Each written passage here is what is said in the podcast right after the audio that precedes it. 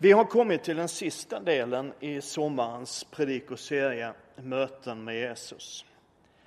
Vi har talat om en hel del människors möten med Jesus under sommaren. Tio stycken hittills har det blivit och det här som vi ska tala om idag blir det elfte mötet med Jesus. Fått en del kommentarer via mail och sms och sådär under, under de här veckorna Eh, och folk har berättat att man har känt igen sig i de olika berättelserna. Kanske inte i alla, men i någon eller några. Och då har jag tänkt att alla kan ju inte känna igen sig själv i allt. En del av de här berättelserna som vi har stannat inför i sommar är ganska dramatiska. Och då kanske man funderar, men finns det någon berättelse i Bibeln som liksom handlar om mig? Som jag kan relatera till? Om man inte har ett kraschat liv och har blivit utstött ur gemenskapen som kvinnan i Samarien som vi har talat om. Eller om man inte har fått ett sådär extremt personligt budskap om någonting som ingen kunde känna till som Natanael fick av Jesus. Eller om man inte är så högt teologiskt skolad att man har gått vilse i sin egen bildning som Nikodemus. Eller om man inte har så stark tro så att man tänker att det räcker att få sträcka ut handen och röra vid kanten på Jesus mantel så blir allting bra, som kvinnan vi talade om för några veckor sedan. Om man bara är en helt vanlig, hyfsat skötsam människa utan jätteproblem och söndertrasad livssituation, finns det något i evangeliet då? Finns det någonting hos Jesus för mig? Och jag kan ju inte vara helt säker på att det vi ska tala om idag kommer att vara just det till hjälp. Men det finns en kort berättelse i Johannes evangeliet som i alla fall jag kan känna igen mig i. Som jag kan relatera ganska mycket till. Jag som är en relativt i alla fall skötsam medelålders man utan några större katastrofer i livet. Och vi har nuddat vid den här texten ett par gånger tidigare under sommaren. Och den story som jag vill lyfta idag ligger inbäddad i ett lite större sammanhang. Det är några dagar efter påskhelgen när Jesus stod på korset. Jesus vänner har sett honom bli arresterad, de har sett honom bli dömd, de har sett honom bli avrättad och begravd. Och nu har de fått en del tecken på att Jesus har uppstått precis som han sa att han skulle göra. Och Petrus och en av de andra männen i gänget, de har hört Maria från Magdala berätta att när hon kom till graven så var stenen för ingången bortrullad. Och Petrus och hans kompis springer iväg till gravplatsen och upptäcker att graven är tom. Och Maria påstår att hon mötte Jesus där i trädgården utanför graven. Men det verkar som om lärjungarna inte riktigt vet vad de ska tro om allt det här.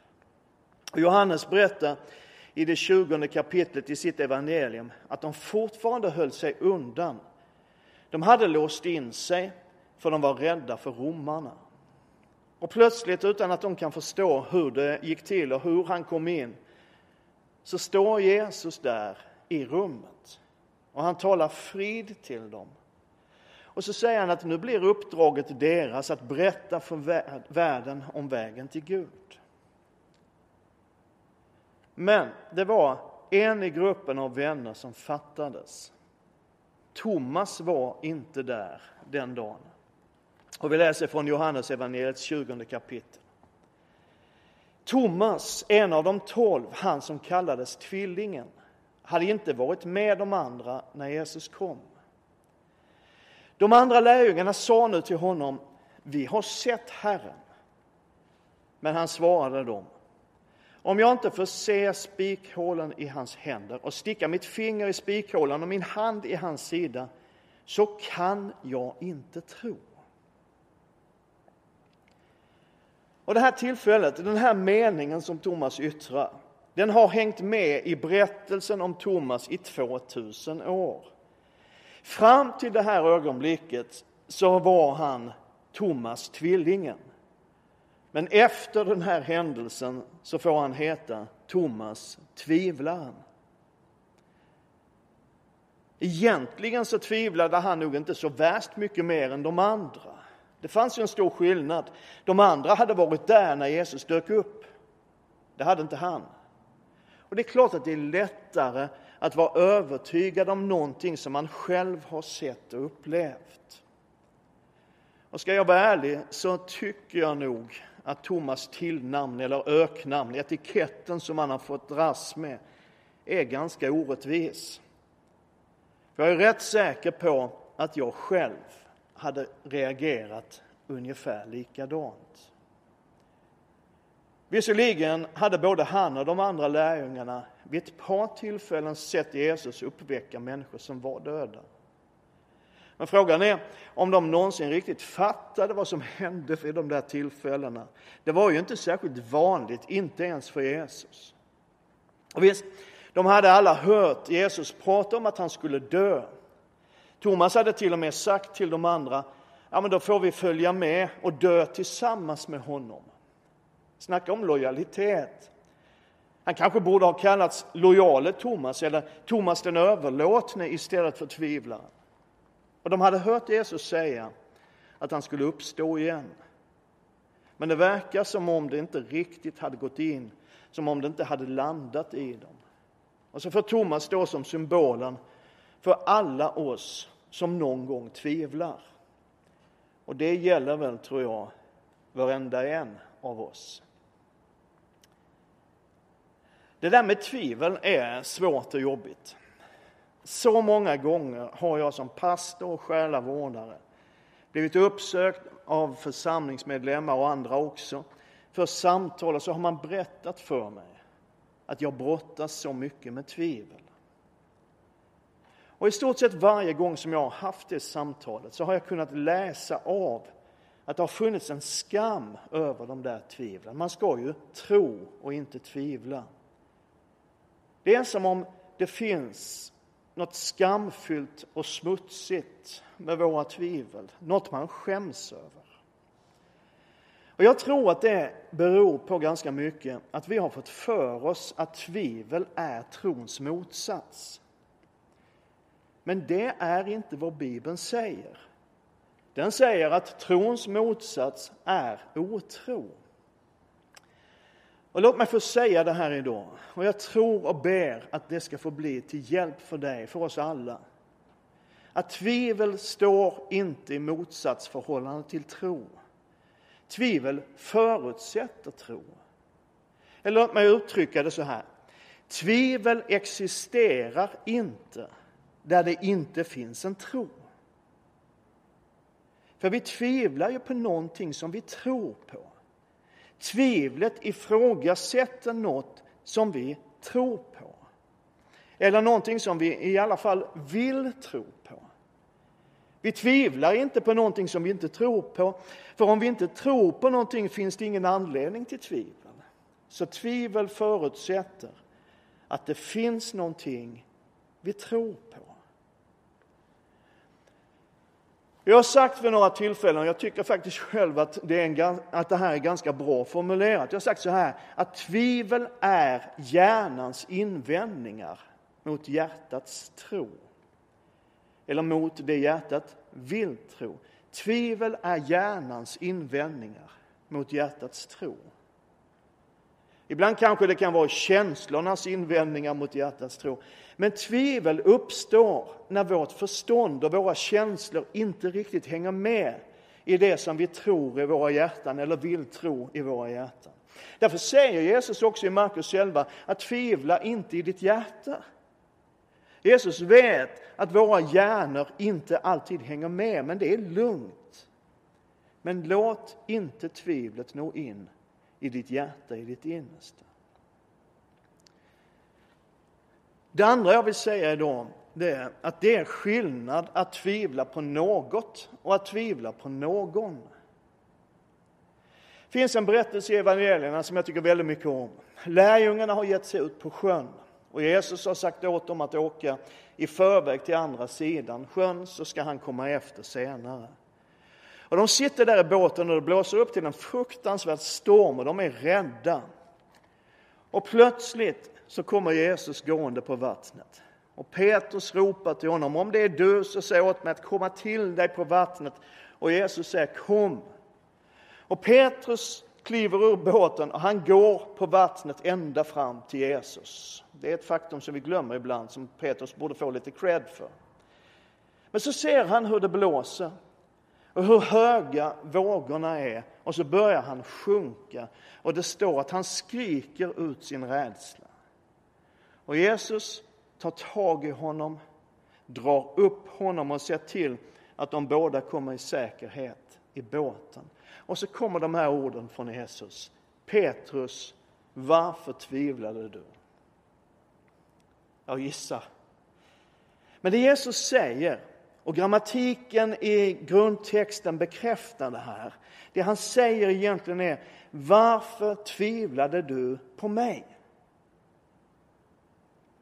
Det som Jesus vill säga, ja men det är klart Petrus att du tvivlar på om du verkligen kan gå på vattnet. Att du tvivlar på om du verkligen är i position att upphäva naturlagarna. Tvivla på vad du vill Petrus, men tvivla inte på mig. Jesus är inte ute efter att Petrus sjönk efter en stund. Att han tvivlade på vattenytans bärkraft och allt det där andra. Utan det är något annat som Jesus vill visa Petrus. Det är som om Jesus säger, Petrus, jag såg när du sjönk, jag såg paniken i dina ögon, jag hörde den i din röst. Trodde du verkligen att jag skulle låta dig gå under? Och det finns en väldigt viktig poäng i den berättelsen som har gett mig tröst så många gånger, en poäng som vi ofta missar. Och det är att när det var som allra värst, när Petrus är som mest rädd, som mest skakad och när han tror att det är kört så är det inte Petrus som håller fast vid Jesus, det är Jesus som räcker ut sin hand och håller fast vid Petrus. Och där tror jag att du och jag som tvivlar ibland kan hämta väldigt mycket styrka och tröst.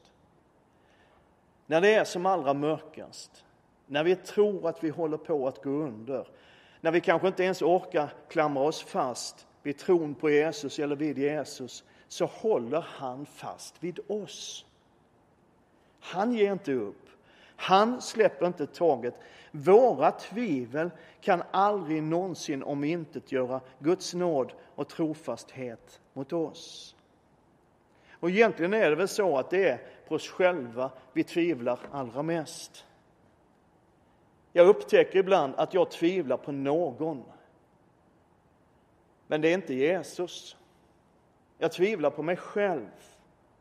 Och jag ska förklara vad jag menar.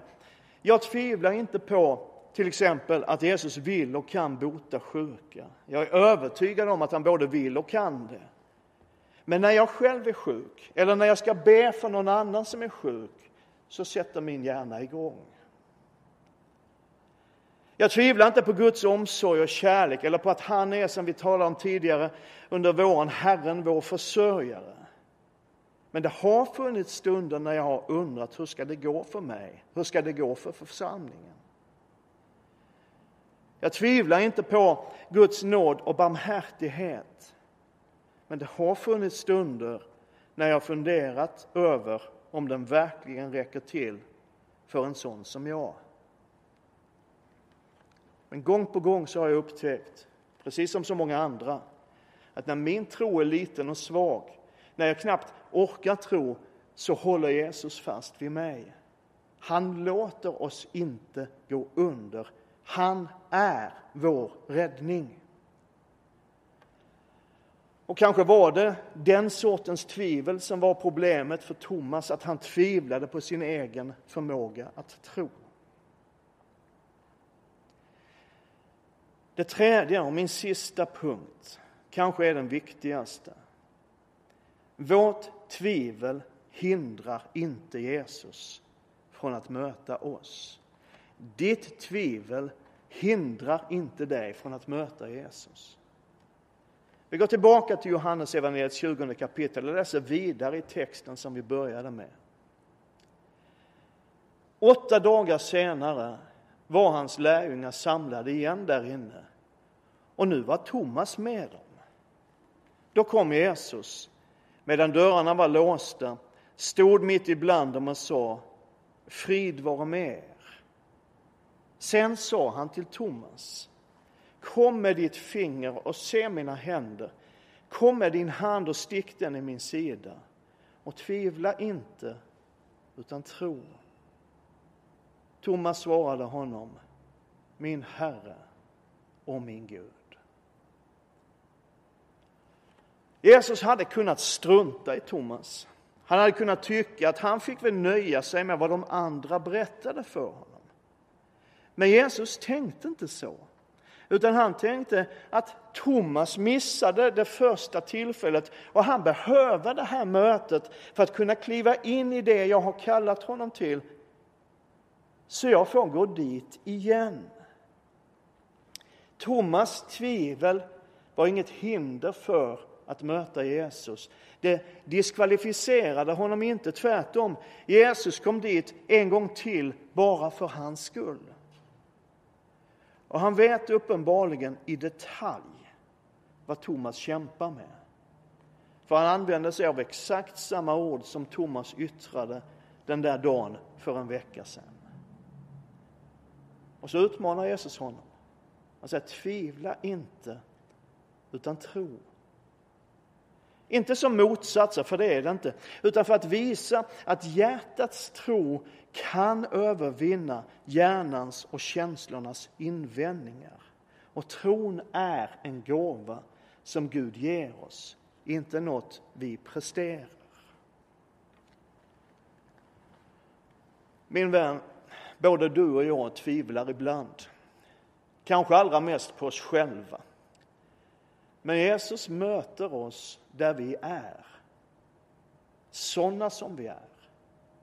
Ditt tvivel är inte ett hinder för att möta Jesus. Han står vid din sida just nu och han vet vad din kamp handlar om. Precis som han visste exakt vad det var som störde och plågade Thomas. Låt honom få tala frid och tro och liv in i ditt innersta, in i ditt liv, in i din situation. Vi ber tillsammans. Herre, tack att du är större än våra tvivel. Och att du ser igenom våra tankar, våra känslor, det som ibland har invändningar mot våra hjärtans tro. Herre, du känner oss så väl och du älskar oss oändligt. Jag ber att du möter var och en av oss mitt i vår situation, mitt i våra tvivel, mitt i våra frågor. Låt oss få se dig. Låt oss få möta dig. Låt oss få komma nära dig. Herre, välsigna oss och bevara oss. Herre, låt ditt ansikte lysa över oss och var oss nådig. Herre, vänd ditt ansikte till oss och ge oss frid i Guds Faderns och Sonens och den helige Andes namn. Amen.